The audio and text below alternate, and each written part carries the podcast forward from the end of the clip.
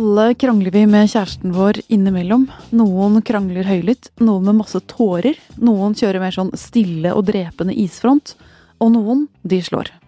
Hva er det som gjør at noen begynner å bruke vold mot den de elsker mest? Og hva er det som gjør at ganske mange velger å bli i et forhold hvor det er slåssing? Det skal vi prøve å gi noen svar på i denne ukas Tett på. I studio sammen med meg, Marte Spurkland, er Bjørn Løvland, stifter og terapeut i stiftelsen Tryggere, som jobber for å forebygge vold og seksuelle krenkelser. Velkommen. Tusen takk. Psykolog Ingunn Rangul Askeland, som har tatt doktorgrad på menn som slår kjæresten sin. Fint å ha deg her. Takk. Og skuespiller Laila Goody, eh, for tiden også kjent som VG-redaktør i NRK-serien Mammon. Eh, jeg går ut fra at du ikke har noe spesialkunnskap på temaet partnervold? Nei, det har jeg ikke. Men eh, når jeg tenker meg om, så jobber man jo på teateret ofte med veldig dramatiske ting. Altså familier som er dysfunksjonelle, og der det kan skje sånne ting.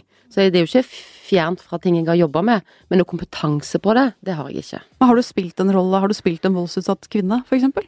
Har du måttet lodde inn i den skrekken eller de følelsene? Jeg har vel spilt i stykker der det har skjedd at Jeg har blant annet spilt med, i et stykke som heter Flammefjes, der det ender med at eh, barna dreper foreldrene. Oi. Og så har jeg jo spilt i Ibsens Villanden, der det ender med eh, og det kan man jo snakke om eh, mental vold eller fysisk vold. altså mm. Der utøves det jo mye, syns jeg, mental vold mot lille Hedvig, som uh, fører til at hun tar sitt liv. Mm. Så vi jobber jo med sånne ting. Men på en annen måte, selvfølgelig. Mm. Mm. Som dere skjønner, så blir det en veldig lystelig sending denne gangen. eh, Bjørn, vi skal begynne med deg. Nå har jo du jobbet i årevis med forebygging av vold i nære relasjoner. Men din vei inn i terapeutrollen, den var litt spesiell. Fordi hvis vi skrur tiden helt tilbake til 90-tallet, så var du selv i et parforhold hvor du slo kjæresten din? Ja, det stemmer det. Uh, den gangen så jobba jeg med noe helt annet. Jeg var leder innenfor uh, maritim sektor. Uh, hadde flytta til Oslo noen år tidligere. Uh, bodde sammen med ei jente som jeg var utrolig glad i. Og vi hadde våre opp- og nedturer. Og, og, det var krangler, men aldri noe voldsbruk. Og jeg har hele tiden egentlig hatt den holdningen om at menn som slår kjærestene sine, er noe skikkelig drittsekker. Mm. Eh, men som sagt, vi hadde våre opp- og nedturer, og eh, en av de kranglene som eh, gikk over veldig lang tid, så ble jeg til slutt så rasende at jeg slo til henne. Det var et sjokk for meg. Jeg husker fremdeles veldig godt hvordan det var akkurat i det øyeblikket når jeg hadde bestemt meg for at nå skal jeg slå for å få fred, til slaget jeg traff. Det var som om følelsen gikk fra et uh, vanvittig raseri til fullstendig tomhet. Um, I løpet av bare noen få brøkdeler av et sekund. Um, rett etterpå så var jeg utrolig skamfull, uh, flau og utrolig lei meg og sa det at uh, unnskyld, skal aldri slå igjen, og forsøkte å gjøre det så godt som mulig. hun var vettskremt. selv om vi hadde krangla, så tror jeg nok hun hadde en sånn forståelse av at de aldri kom til å slå henne. Så det var et sjokk for henne òg. Eh, dagen etterpå så sto vi opp og forsøkte liksom å, å, få hverdagslivet til å gå. Dro på jobb, eh, leverte barn eh, der de skulle. Eh, og, og, og, jeg forsøkte vel å, å, dekke over det som hadde skjedd. Eh, Ønska ikke å prate noe om det. Eh, to måneder etterpå, to-tre måneder etterpå, så var han på ny en krangel, og jeg slo på nytt igjen. Mm. Ble du overrasket da òg? Ja, ehm, og overraska og utrolig skuffa. Eh, men på nytt igjen så var det en sånn fornektelsesprosess i etterkant. At eh, ja, jeg hadde slått, men ehm, jeg skal aldri slå igjen. Dette har jeg kontroll på. Følte du også litt sånn presset til det? Følte du at det på en måte ikke var din skyld? Nei Jo, altså, jeg følte at uh, det var, hele situasjonen var utrolig vanskelig. Uh, og det er en sånn fellestrekk med mange av de som utøver vold, at de har en tendens til å legge ansvar over på partner. Og det gjorde jeg òg. Hadde du bare latt meg være i fred, så hadde ikke jeg slått. Mm. Uh, kunne jeg bare få lov til å sove nå, så hadde ikke jeg slått. Hadde ikke blitt så sint at jeg slo. Så det å legge ansvar over på andre, det gjorde jeg, og det er det mange andre som, som gjør òg, som har, uh, har den type, type problem. Mm. Men du, du sa at, uh, at, du pleide å se på de som slo, altså på menn som slo som, som drittsekker. Mm. Tror du folk som gikk på jobb med deg hver dag, hver dag, kunne se på deg at du hadde en sånn drittsekk gjemt inni deg? Nei, det er veldig stor forskjell på, på åssen jeg sjøl var eh, hjemme, og åssen jeg var på jobb, f.eks. Uh, eh, Utafor hjemmet så, så, ble jeg alltid sett på som den, uh, den, rolige, den som var avbalansert, den som alltid hadde kontroll. Uh, og Det gjorde at jeg ofte fikk oppgaver som, som, som, gikk ut på å takle stressa situasjoner. fordi folk hadde den tilliten til meg. men den kontrollen hadde jeg jo ikke på hjemmebane. ikke det at det var, det var, et monster hjemme, det var ikke sånn det var. Det var ingen stor forskjell. men i pressa situasjoner hjemme så, så, skjedde det noen ganger at jeg eh, gikk over streken. Mm. Og eh, jeg mener at de hadde utøvd fysisk vold mot henne eh, seks-sju ganger. Eh, hun hadde sagt hele tiden at Bjørn, du må oppsøke hjelp. Eh, men etter den eh, sjette eller sjuende gangen så var det ultimatumet. og heldigvis så, så, bodde jeg den tiden jeg bodde i Oslo, og der var det et hjelpetilbud. Uh, som jeg da tok kontakt med og uh, oppsøkte. Satt det langt inne? Var, følte det ydmykende å ta den telefonen og si hei, jeg heter Bjørn, jeg er en mann som har dette problemet? Ja, uh, utrolig vanskelig å gjøre det. Jeg ville jo, altså jeg hadde vel kanskje litt sånn holdning at jeg er mann, jeg har et problem, det skal jeg fikse sjøl. Og i hvert fall skal jeg ikke ha hjelp av en psykolog. men så funker det ikke. Det funker ikke å fikse den type problem sjøl. Jeg klarte det ikke. Eh, så jeg var veldig engstelig òg for hva er det som blir møtt meg eh, når jeg kommer til, eh, til en psykolog. Men alle sånne bange antagelser ble gjort til skamme. Det var en utrolig god opplevelse å bli møtt og kunne prate om det som var vanskelig. Og, og, og psykologen som jeg møtte, var veldig tydelig på at det er forskjell på menneskehandling Handlingen vold er ikke bra, men det betyr ikke at du som et menneske er dårlig. Eh, så det er en sånn holdning som jeg ble møtt med der, som jeg har tatt med meg inn i mitt eget arbeid når jeg etter hvert ble eh, terapeut. Mm. For du som ikke ville gå til psykologen, du endte opp i den samme stolen selv. Ja, jeg, eh, det var utrolig lærerikt og nyttig for meg, og spennende prosess å, jobbe med seg sjøl den gangen i forhold til, til eget voldsbruk. Og når jeg var ferdig med det, så det forholdet som jeg var i, der jeg hadde utøvd vold, det var ferdig, det òg. Vold ødelegger kjærlighet. Mm. Det er sjelden et parforhold overlever det? Veldig sjelden, iallfall. Det er noen som klarer det, men da er ikke voldsbruken særlig grov. og har ikke gått over lang tid. Eh, det er min erfaring, i hvert fall. Så du slår helt konkret i stykker kjærligheten, rett og slett? Ja. ja. Eh, kort og brutalt i de fleste tilfeller så er det det som er, som er sannheten. Ja. Um, men iallfall så, så bestemte jeg meg etter hvert for at uh, jeg, jeg, var, jeg, begynte å bli lei av den jobben jeg hadde. Uh, og jeg hadde lyst til å begynne å jobbe med mennesker. Og, og det å jobbe med vold uh, var noe som var utrolig meningsfullt for meg. Eller som jeg anså som veldig meningsfullt. Så da tok jeg en terapeututdannelse i første omgang. Begynte å jobbe som terapeut for rundt en 15 års tid siden. Og har da jobba i løpet av de årene her med ca. rundt en 400 personer, tenker jeg, som har uh, hatt et sinne- og aggresjonsproblem og utøvd vold i en eller annen form. Det er stort sett menn, eller? Uh, de aller fleste er menn, uh, men òg en del kvinner. Um, og den eldste jeg har hatt i samtale, har vært rundt 70 år, og den yngste nokså ung. Men de, eh, hovedvekten ligger på aldersgruppen 30 til 45 år.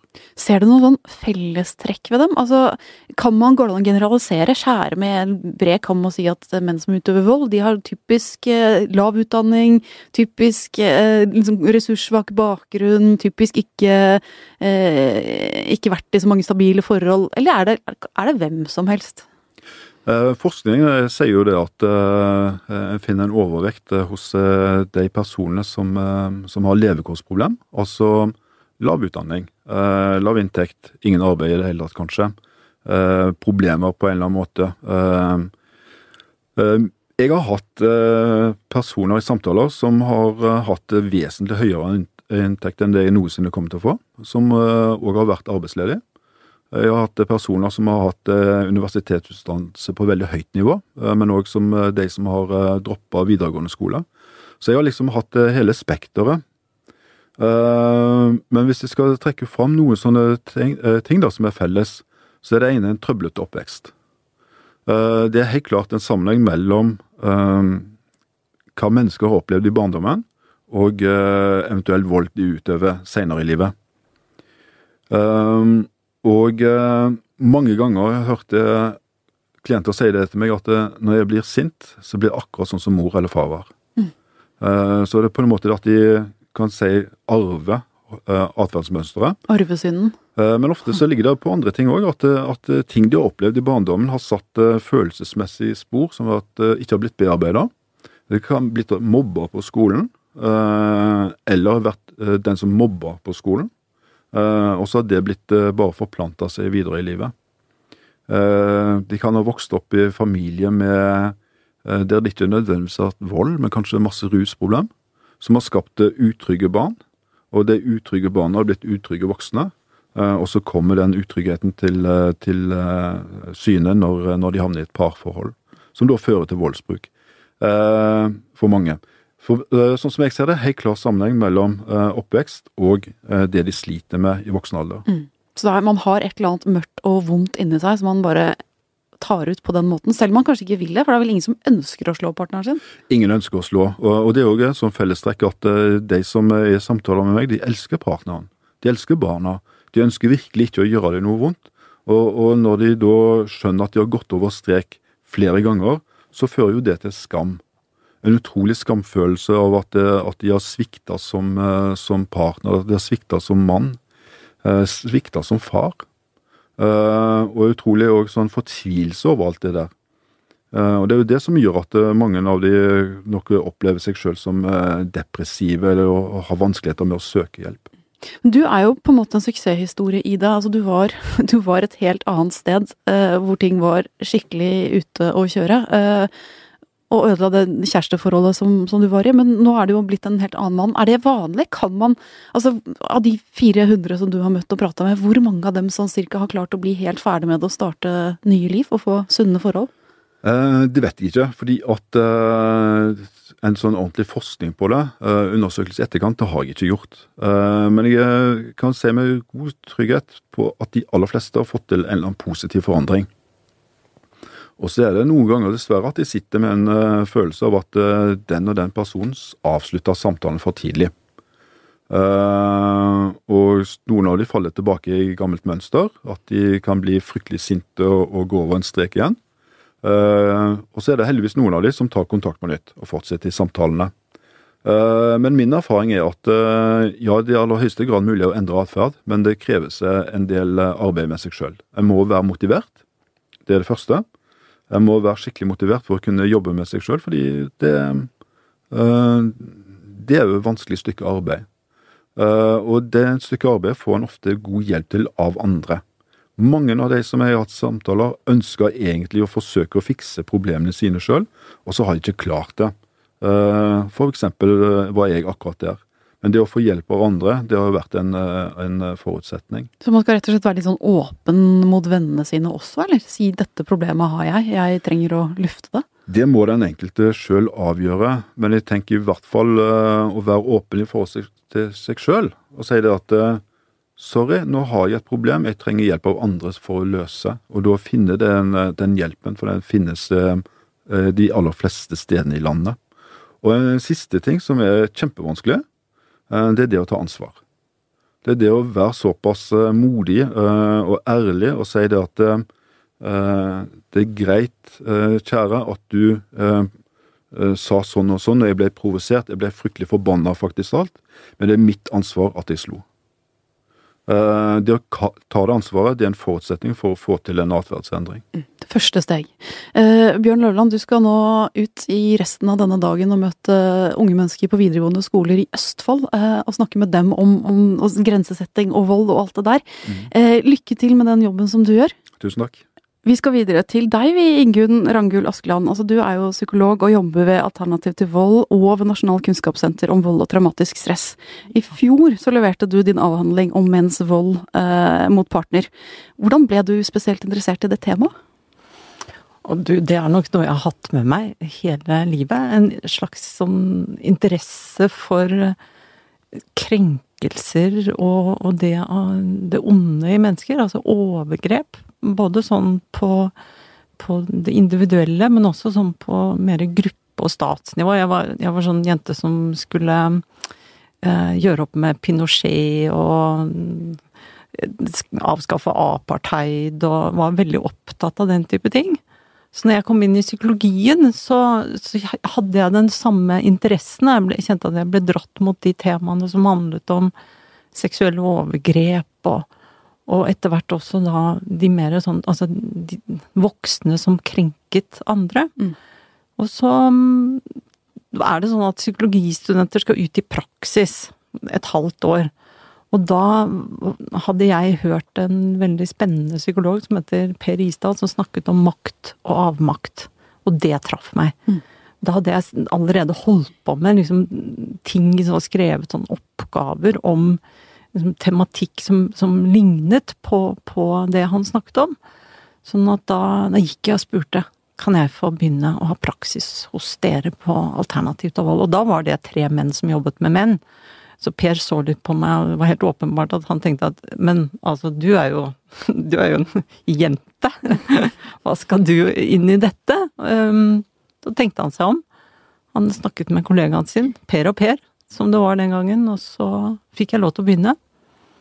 Det, det er jo 22 eller 23 år siden, og jeg visste jo ikke da at det, det, var dette jeg skulle holde på med hele karrieren min da, som psykolog. Var, men, men, det er et tema jeg har vært opptatt av, altså. Mm. Og også jobbet i fengsel, så vidt det er her på Ullersmo. Det er liksom den jeg så jo at uh, altså undertittelen på din uh, avhandling, den het Who are they? Altså disse mennene som slår, hvem er de? Eh, Bjørn var jo inne på at mange av dem har med seg noe sånn sort og vondt fra barndommen. sitter du med den samme følelsen? At er, man må grave i historien deres for å finne ut hvorfor de slår? Ja, det må man. Det behøver jo ikke nødvendigvis å være sånn at det er noe veldig mørkt sånn langt tilbake. Altså det at man utøver vold kan være veldig Altså det er sammensatte årsaker. Det er jo noen som ender med i en veldig sånn krise, krisesituasjon, å utøve vold en gang. for Sånn alt i livet mitt går mot meg? Eh. Ja, for eksempel i en, ja, si en skilsmissesituasjon da, hvor man er veldig opprørt og fortvilet. At man da ender med å bruke vold kanskje for første og siste gang. Um, og det, det fins par som, som, krangler hvor dette her med å gi en ørefik eller den type ting, hvor det er en bit av kranglene, eller at man knuser ting, eller blir veldig dramatisk. Man sier stygge ting til hverandre. Og nå mener jeg ikke å bagatellisere det, for det er det vi kaller vold. Uh, å krenke andre på den måten, også verbalt. Men, men det er ikke nødvendigvis sånn at alle som gjør det bitte litt, har med seg en veldig mørk historie. Men det som er helt sikkert, er at eh, de som utøver mye vold, de har det. Nesten utelukkende så er det sånn at de har med seg historier som handler om enten å ha fått for mye av det de ikke skal ha, altså vold, psykisk syke foreldre, alkoholproblemer, omsorgssvikt. Sånn Altså det, det er vel mer det at man får for lite av det man faktisk skulle ha, da.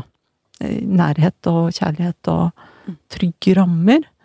Og kombinasjonen er jo på en måte det verste. At man har både volden eller det utagerende og aggressive, og vokser opp med det, samtidig som det svikter på oppfølging. Mm. På matpakker og varme sokker og det si alt det der, ikke sant. Det er jo det aller verste. Men hvis vi går tilbake til det som du snakket om nå, som Laila også for så vidt var inne på eh, tidligere, den derre hvor man ikke helt vet hva det er. Er det bare litt sånn opphetet munnbruk eller en litt sånn ørefik som ikke kommer til å skje igjen? Eh, eller er dette noe som er helt gærent? Hvordan, hvor går grensen der? Hvordan skal du vite at nå nå var du akkurat over den streken hvor du faktisk må vurdere om du ikke kan bli i dette forholdet lenger, eller om noe helt sånn seriøst må gjøres. Der er jo folk forskjellige. Men at det er vold med en ørefik, det er det jo helt uavhengig av hva man bestemmer seg um, for å gjøre med det. Så er det jo sånn at La oss si at du får en ørefik første gang fra partneren din. Så så er det jo også noe med hvilken Hva skjer etterpå? Er det sånn at partneren din blir utrolig fortvilet, eh, skremt og opprørt av at han eller hun har gitt deg denne ørefiken? Det er jo noe helt annet enn det som ofte skjer, en, en bagatellisering. Ja, men du oppførte deg bedritent, eller ikke. Man kommer med forklaringer som gjør at du kanskje ikke blir tryggere på at det ikke vil skje igjen, da. Og så, mm, så tenker jeg at det, det å i hvert fall um, stoppe opp og kjenne etter hva, hva gjør dette her egentlig med meg, å ha en partner som hvis, hvis, vi holder oss unna den fysiske volden, da, til og med dette her med å leve med en partner som krenker deg verbalt, som sier veldig stygge ting til ja, deg. ikke sant? For én ting er å være sint og snakke om hva du gjør, liksom, hva jeg synes om det du gjør. At jeg blir så jævlig forbanna og helvete, ikke sant. Altså, at man blir sint og rasende, det, det må man få lov til. Men hvilke ord bruker man da? Er det, er det, at jeg snakker om hva jeg opplever, eller begynner jeg å snakke om deg som person? Mm. Din jævla forbannede, og så videre. Hvor, hvor liksom Det er å skjelle ut noen, ydmyke noen, tråkke på noen. Det er noe annet. Mm. Sånn at det, det For meg er jo veldig sånn eh, Hva folk velger å leve i, kan være veldig forskjellig, men kjenne etter hva det gjør med deg. Hva gjør det med deg også å bli en sånn person, da, som gjør dette mot kjæresten din? Hva, hva handler Så har jeg lyst til å være en som skjeller ut partneren min sånn? Mm. Og i forhold til barn, så er det jo Det er jo en annen sak. Barn skal ikke vokse opp med ikke, ikke engang den, her, den type krangling, da. Mm. Hvordan skal man da Hva er det man da lærer barna sine Mm. i forhold til hvordan man skal løse konflikter eller uenigheter? Hvordan skal man diskutere som par? Hvis man holder på å skjelle ut hverandre og kalle hverandre stygge ting, eh, så er jo det veldig lite hva skal vi si, hvis vi sier det veldig enkelt, pedagogisk lurt da, i forhold til hva man ønsker barna skal lære. Men man har jo ganske ofte så hører man historier, eller leser historier om kvinner som er altså Ofte er det jo menn som slår, og kvinner som blir slått, da. Eh, med verbale ting så kan det kanskje være like mye motsatt, jeg vet ikke. Men eh, det at man velger da å bli i et forhold hvor du egentlig vet at det her er Her er det noe alvorlig gærent. Eh, men likevel så gjør man ikke noe med det. Er det. Er det skammen over at noe har gått gærent? Er det det at man må innrømme at eh, den blåveisen var ikke et møte med eh, badedøra eller dusjen eller hva man nå pleier å si? Er det, er det skammen som er hinderet, tror du? Det er nok en bit av det, men eh, det er nok også ulikt. Du vet, hvis du skal på en måte ta inn over deg og, og kjenne etter, da. Hvis du skal virkelig kjenne på at du, faren til barna mine eller mannen min har slått meg, det er derfor jeg ser sånn ut, så kommer det med noen omkostninger. Altså, det krever jo at du skal måtte tåle den smerten, da. Så for noen kan det være lettere å prøve å ta den bort. At man, man venner seg til å forsøke å holde den følelsen unna. Den sorgen, redselen, skammen, alt det. Eller raseriet knytta til det å være utsatt for dette. Og så er det jo sånn at um, de fleste er jo ikke onde på heltid, holdt jeg på å si. Det er jo litt sånn at eh, man kan jo være veldig glad i den mannen nå. Mm. Man, det, og kanskje har man barn sammen. Det, det er alltid gode grunner til å bli. Men Altså, jeg må bare si, ja. altså nettopp, jeg, Hver gang man leser om kvinner som har blitt lenge, Mm. i årevis, og det er barn i bildet, Ja. jeg syns det er så vanskelig å forstå det. For jeg tenker, i hvert fall når man får barn, så er det jo no, det er så mye som skjer med en da. Altså man, da kjenner man så veldig instinktivt òg at barn trenger trygghet. Ja. Og, det, og, og, og at de skal bli utsatt for det, og se det og oppleve det. Jeg syns det er så rart. Det er da når jeg leser at de ikke klarer å gå, da. ja. Jeg lurer på hva jeg sjøl hadde gjort i en sånn situasjon. Du vet at det Mm. kan være en måte å beskytte barna på, fordi at man har, opplever at man har mer kontroll ved å bli, enn å gå fra og tenke at man skal f.eks. gå inn i en 50-50-deling. Ja. Og det er jo et faktum her, at det at man går fra hverandre, betyr ikke at volden slutter verken mot en selv eller mot barna. Det ser vi jo, det er ganske komplisert dette Ja, her. Og for noen er det jo rett og slett Det er også sånn at det er farlig å gå. Mm. Det, det, det, det er rett og slett trusler, direkte eller underliggende trusler, om at da Da skal, skal du få se, ikke sant. At det er, at det er en veldig god grunn til å bli, er å, å, at det mindre, oppleves som mindre farlig, da. Og Mm. mere At du har mer kontroll. Og vi vet jo at, eh, At det, det å gå fra og det å være i en bruddfase kan være trigger for alvorlig vold og også Mm. drap. Man, man tenker kanskje ikke gjennom når man er i det, at det at barna òg Jo, de krenkes jo de òg, på en måte, når de er er i en sånn familie der dette skjer, at det kan skape, sånn som du sier, voldsutøvere. fordi de lærer jo at volden er et språk som brukes, Ja. og som kan brukes i konflikt. Han Bjørn sa her da tidligere i dag at eh, han mener at eh, kjærligheten som oftest blir slått i stykker. Det er ikke så mange som klarer å lappe på forholdet etter at det har vært vold. eh, over kortere eller lengre tid. Tror du han har rett i det?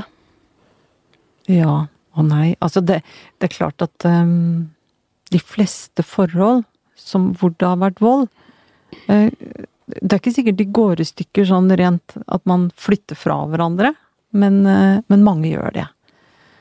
Og noen blir og har det ikke så bra.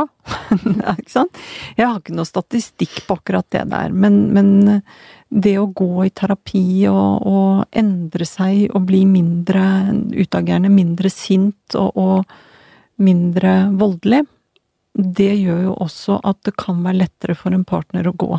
Så noen går jo da rett og slett fordi at det er mindre skummelt å gå. ikke sant? Ja. At man blir mindre Ja. Og at, og at en del Det er jo en ganske tøff prosess for de som kommer og opplever at nå nå er jeg ikke Jeg kommer ikke til å slå igjen. Kjenner det veldig i seg. Har gått en lang vei og jobbet hardt. Og så har jo ikke partneren kommet dit vet, det tar lang tid å bli trygg igjen. Og det kan være ganske tøft, da. For et parforhold at, at liksom, Ja, men hør nå her. Det, det, ikke sant? De kommer, jeg kommer ikke til å gjøre det igjen. Jeg har, jeg har endret meg. Og så sitter partneren og er redd, usikker, og kanskje også ganske sinna. Og så kommer det frem, og det kan ta lang tid, og det kan være en slitasje på, på forhold. Du, eh, vi skal avslutte denne, denne bolken med altså et, et tips. Hvis man sitter der ute og hører på noe, eh, og enten er i et forhold hvor dette har skjedd, man har hatt en kjæreste som har vært voldelig eller er voldelig, eller man har vært den som har utøvet vold, hva er det første man trenger å gjøre? Altså, snakk med noen. Det å ikke snakke med noen om dette, jeg vet vi er veldig opprettholdende, for da fortsetter det på en måte litt sånn du, du kan la være å kjenne etter hva det egentlig gjør med deg, ikke sant. Du kan holde det litt sånn nede og bort og vekk, og kalle det andre ting, og ikke tenke på det, og masse strategier, da, for å holde det vekk. Sånn at snakk med noen man har tillit til. Um, Det kan jo være venner, familie, eller det kan være profesjonelle. Barnevern, krisesenter, telefoner man kan ringe. Og er det alvorlig, så skal man ta kontakt med politiet. Kan, det fins familievoldskoordinatorer innen politiet. Det, altså bare snakk med noen, og da kjenne etter hvor det er lettest å ringe. Det kan også være fastlege eller sant? En, Og er man barn, så skal man si fra til noen på skolen, for eksempel. Eller i barnehagen. Noen man har tillit til. Det viktige er at man begynner, å så um, sette ord på akkurat det som skjer, og få hjelp til å få slutt på volden, for det er det viktigste. Og den, eh, de vanskelighetene som kan oppstå når man sier fra, er tross alt bedre å utsette seg for, som oftest, da, enn det å bare bli i et forhold hvor du gradvis brytes ned. Ja, og nå er jo dette et tema som er oppe Mm. i, sant, i aviser og media, og innen hjelpeapparatet så er det alltid noen som på en måte vet Ja, ring dit, eller snakk med dem. Det fins hjelp å få for både de som blir utsatt, barn, unge og voksne, og de som, som utøver, som opplever at de Alt fra det at de opplever at de blir for sinte og er redd for sitt eget sinne, til å utøve veldig grov og systematisk fysisk vold, Mm. eller seksuell vold. Eh, Laila Guddi, eh, du, du er jo eh, faktisk VG-redaktør for tiden i NRKs Mammon-serie, og også da i ytterste instans, i den rollen der, redaktør for denne podden. Hvordan syns du vi klarer oss så langt?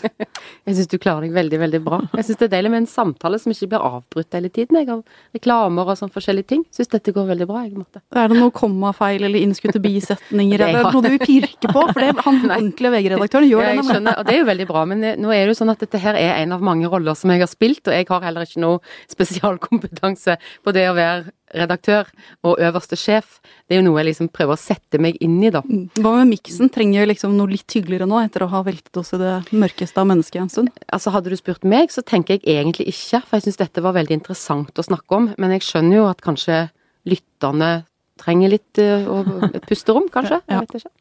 Eh, du, den avisredaktørjobben da, som, du, som i hvert fall vi ser deg i nå, Ja. eh, den ble, var jo over for din del for en liten stund siden. Mm. Hvor, mis, hvor mye visste du om eh, redaktørjobben før du fikk den i Mammon? Nei, eh, ganske lite.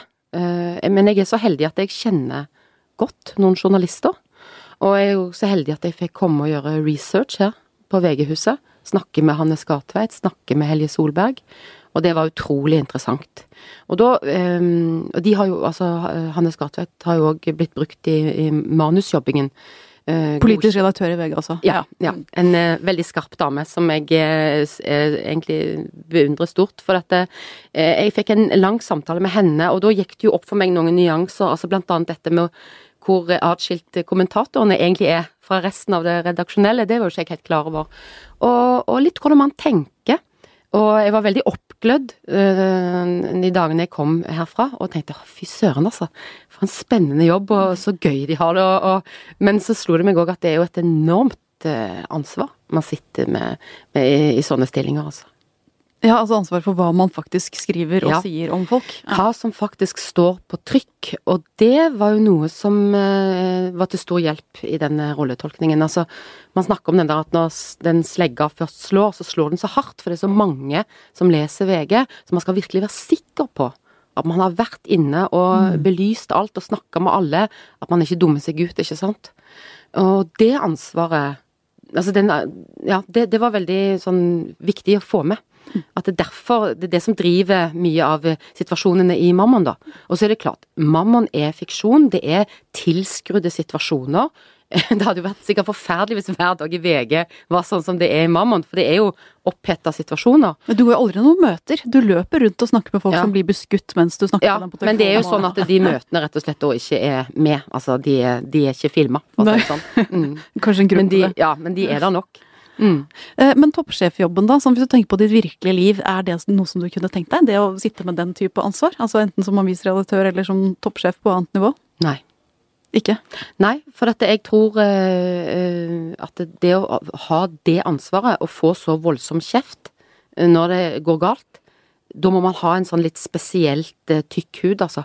Og det tror ikke jeg at jeg har. Jeg tenkte på det, for at det, de gangene jeg har, og det er ikke så få heller, jeg har ønska meg vekk fra skuespilleryrket, at jeg syns det er for krevende og for strevsomt, eller det kan være mange ting eh, som gjør at det kan være utfordrende, så har jeg heller ønska meg til en jobb der jeg var mye mer aleine. For det som er krevende med å jobbe både på film og TV og teater, det er at alt er så kollektivt. Og, og, og avgjørelser tas hele tiden sammen med andre. Det er et gedigent gruppearbeid. Og Jeg husker når jeg gikk på skolen, jeg var liten, jeg hata det gruppearbeidet. Jeg liker å bestemme sjøl. Og det tenker jeg, hvorfor i all verden ble jeg skuespiller, egentlig? For her sitter du, du må avtale hver minste liksom lille, vending. Jeg er ofte oppe til stor diskusjon, ikke sant? Jeg har egentlig aldri hørt om noen som likte gruppearbeid på skolen. Jeg tror det er en det bare en kognitiv sånn. lidelse i nasjonen, altså. ja. Men det jeg tenker på er at som skuespiller så, så må du inngå veldig mange avtaler hver dag på litt sånn eh, emosjonelle ting, ikke sant? Og, og, og jeg Nå sparker jeg deg i lysken, eller nå ja, sier jeg eller disse tingene hvordan skal vi skape dette vendepunktet, hva er det som oppstår ut av denne situasjonen? Og så tenkte jeg at jeg kan jo liksom gå og gruble på, la oss si nå da når jeg òg har jobba med Tsjekhov og tre søstre, som er sånne mennesker som er i dyp eksistensiell krise, du går og liksom og grubler på hvordan skal jeg få uh, uttrykt det eller det, uh, den lille følelsesmessige uh, nyansen, ikke sant, så er det jo ingen det går utover i samfunnet om jeg velger å gråte eller le akkurat der, men hvis man skriver noe om noe, la oss si, mobbing, eh, integrering eller noe sånt, så det har så enorme konsekvenser, og er så, man er så på hele tiden. Som kommentator, eller som, eh, som sjefredaktør. Man kunne jo se for seg at du som skuespiller har et sånn hevnbehov overfor aviser og journalister også, da. Altså det er jo, det er jo enkelte saker det sikkert ikke er så veldig gøy å figurere i. Eh, terningkast på kjoler, kommentarer om hvordan man ser. Altså, hva er, hva er sånn type de verste tingene du har vært utsatt for av journalister eller i aviser? Eh, jeg er så lur jeg at jeg går ikke på sånne premierer, for jeg er ikke så interessert i sånn kjoleterningkast. Så det har jeg aldri fått, og det vil jeg aldri ha heller. Men eh, Men Det eh, det, det jeg syns er eh, frustrerende, er hvis man har gjort et intervju. Nå må jeg heller si det generelt, da. For det, hvis man har gjort et intervju, og man har hatt en kjempehyggelig samtale med journalisten, og så prøver man å, å, å, å høre litt om Ja, det, det kommer vel mest til å handle om det og ikke om det. Man føler kanskje man har snakka litt for mye om en ting. Så sier de alltid Nei, det er desken, det. Ja. Denne her desken, denne desken, den har jeg noen ganger ja, jeg har blitt litt lei meg noen ganger av hva som har stått i sånne ingresser og sånn. Og, og så bare, da trekker de bare på skuldrene og sier men det er desken, vi har ikke noe kontroll på desken. Og tenker hvem er det som jobber på den der desken? Hvem er de der bøllene på desken? Alle trenger en venn på desken, er min Ja, ja. altså, jeg tror ikke jeg har så veldig mange venner på desken, men jeg skal overleve det. Og det er en del av jobben min at det kommer noen mennesker noen ganger i året og ser på det jeg gjør på scenen spesielt da, og kritiserer det. Det må du på en måte bare kjøpe, skal du være skuespiller. Men med årenes løp, for nå har jeg faktisk vært skuespiller i 22 år, og det er nesten skummelt at jeg har vært det så lenge, men så skjønner du jo at det er ett menneske som setter seg ned og ser dette her. Og det er så subjektivt. Så jeg leser kritikker. Jeg er ikke sånn som klarer å la være å lese kritikker. Jeg men jeg, tror- eh, jeg, tror, jeg tar det for det det er, altså. Mm. Eh, men altså, andre typer av farer i skuespillerlivet. Nå sitter du her med en brukket ankel. Ja. noe som skjedde under en TV-innspilling Mm. i november. Ja, jeg, har, jeg er nå satt ut av spill en god stund til. En ting er at jeg har en brukken ankel med stålplater og seks skruer i foten, men jeg har òg avrevne leddbånd som gjør at eh, jeg har ikke så mye no, Jeg har ikke normal gange ennå. Jeg, jeg, er et stykke unna det. Jeg lever det gode krykkelivet fremdeles. Så det, det, det sånne, sånne ting kan skje. Og det er jo Ja. Mm. Hva med sånn emosjonelle skader? Altså, Har du hatt roller som har holdt deg oppe om natta, hvor du liksom plutselig har begynt å tenke annerledes om kjærligheten, eller om menn, eller om vennskap, eller om familie, fordi at rollen bare har vært så Det å leve seg inn i den bare har vært så eh, mørkt og urovekkende? Det er vel egentlig ganske sjelden at jeg har mista nattesøvn, men eh, jeg syns jo at jeg har behov for Altså, la oss si at jeg jobber med et stykke, sånn som det stykket jeg snakker om, 'Flammefjes'. Det er ganske mange år siden. Det husker jeg veldig godt ennå. Fordi det var en sånn eh, voldsspiral som eh, gikk eh, som, som løp løpsk, ikke sant, i det stykket. Og det endte med at meg og broren min Det var faktisk Jon Øigarden, som jeg òg spiller med i Mamma om, som spilte broren min, som var liksom selveste flammefjeset. Det ender med at vi, vi dreper foreldrene våre. Og det var et sånt stykke Så når du spiller i et sånt ubehagelig stoff, som bare er mørkt, så har du behov for litt sånn kontraster på fritiden. Hvis du skjønner. Og som samme, på samme måte når jeg spilte i Hakkebakken nå, som jeg nå er ute av pga. denne her ankelen, så vil jeg gjerne ha noe Da da, nei, da er det jo mye sånn at alle skal være snille med hverandre og spise gulrøtter og peppernøtter og sånn. Da kan jeg heller uh, ha noe annet på fritiden. Nå snakker jeg mye om altså, det jeg leser og tar inn. Da Altså, blir du veldig voksen og litt sånn Ja. eh, intellektuell på fritiden. Nei, men da, da leser jeg i hvert fall mørkere ting. Altså, da leser jeg heller um, en krimdokumentar, eller uh, ja, noe mer sånn litt uh, tung og vanskelig Det der syns jeg er veldig spennende. Det, det, både det der med, med som skuespiller å gå inn i det mørke, for det, det er jo veldig mye både på film og teaterscenen Mm. som, Mm. som handler om, om det dramatiske ved å være menneske. Ja. Og, og, og det kan være vold og voldtekt. Og jeg har, jeg har alltid blitt dratt mot scenen selv. Altså, Mm. Jeg syns det er utrolig spennende dette med de ulike Det å gå inn i ulike sider av seg selv, da Mm. og utforske det. Og en av de mest spennende jobbene sånn, som jeg har hatt ved siden av vanlig terapi, har faktisk vært å jobbe med en teatergruppe Mm. som opplevde en krise fordi de skulle jobbe med en scene som handlet om en voldtekt. Og det gjorde noe med hele gruppa, og det skjedde så mye mellom dem. Det var? De trengte terapi etterpå? Ja, ikke terapi, men de, jobbet, de, de, de trengte en oppfølging av, av Mm. en, noen terapeuter for å jobbe med hva det gjorde med dem, Mm. også innad i gruppen. Mm. For det er klart at du, du går inn i det mørke, det gjør noe med deg. Mm. Og jeg kjenner meg også veldig igjen i det der du, du sier med kontrastene. Eh, Jeg setter meg ikke ned og ser på grusomme filmer om barnemishandling på fritiden. Da går jeg heller og kjøper pene sko. Mm. Ikke sant? Det er Man har behov veldig for behov for det vakre. Balanse. balanse ja. Ja, veldig. Men kan det være en sånn terapeutisk eh, gevinst da, ved å spille Altså, eh, ved å spille skuespill, vet du bedre enn oss andre hvordan du liksom skal få ut eh, sinne eller smerte eller sorg, eller kan du liksom oppleve at du går inn på scenen og har litt agg, og så når forestillingen er ferdig, da er det liksom åh, renset, nå har jeg fått det av meg der ute på scenen. Ja, det kan nok være sånn. Samtidig så skal man jo være forsiktig med å bruke for mye eh, Altså, man går jo inn med den dagsformen man har. Når man skal spille sånne store, dramatiske roller, så må man jo gå inn med det man har den dagen. Men, men eh, å, å bruke for mye, tror jeg eh, min, altså kanskje vanskelige ting fra barndommen, eller mørke opplevelser man har sjøl som har skapt eh, et arr igjen, det kan være farlig og litt vanskelig. Det beste er hvis det oppstår mellom deg og motspilleren på scenen, altså i situasjonen, at det er sant der. Ja. For da kan du på en måte skru det mer av. For eksempel, når jeg spiller Marsha i Tre søstre, som jeg skal være så heldig å få spille igjen nå i juni, så, så, så vet jeg jo at du, du går på scenen klokka halv åtte, og klokka halv elleve så skal jeg ligge i en klump på gulvet og gråte, fordi at jeg blir svikta på det groveste av Bjørn Florberg. Han forlater meg, og jeg har ikke noe igjen i livet mitt.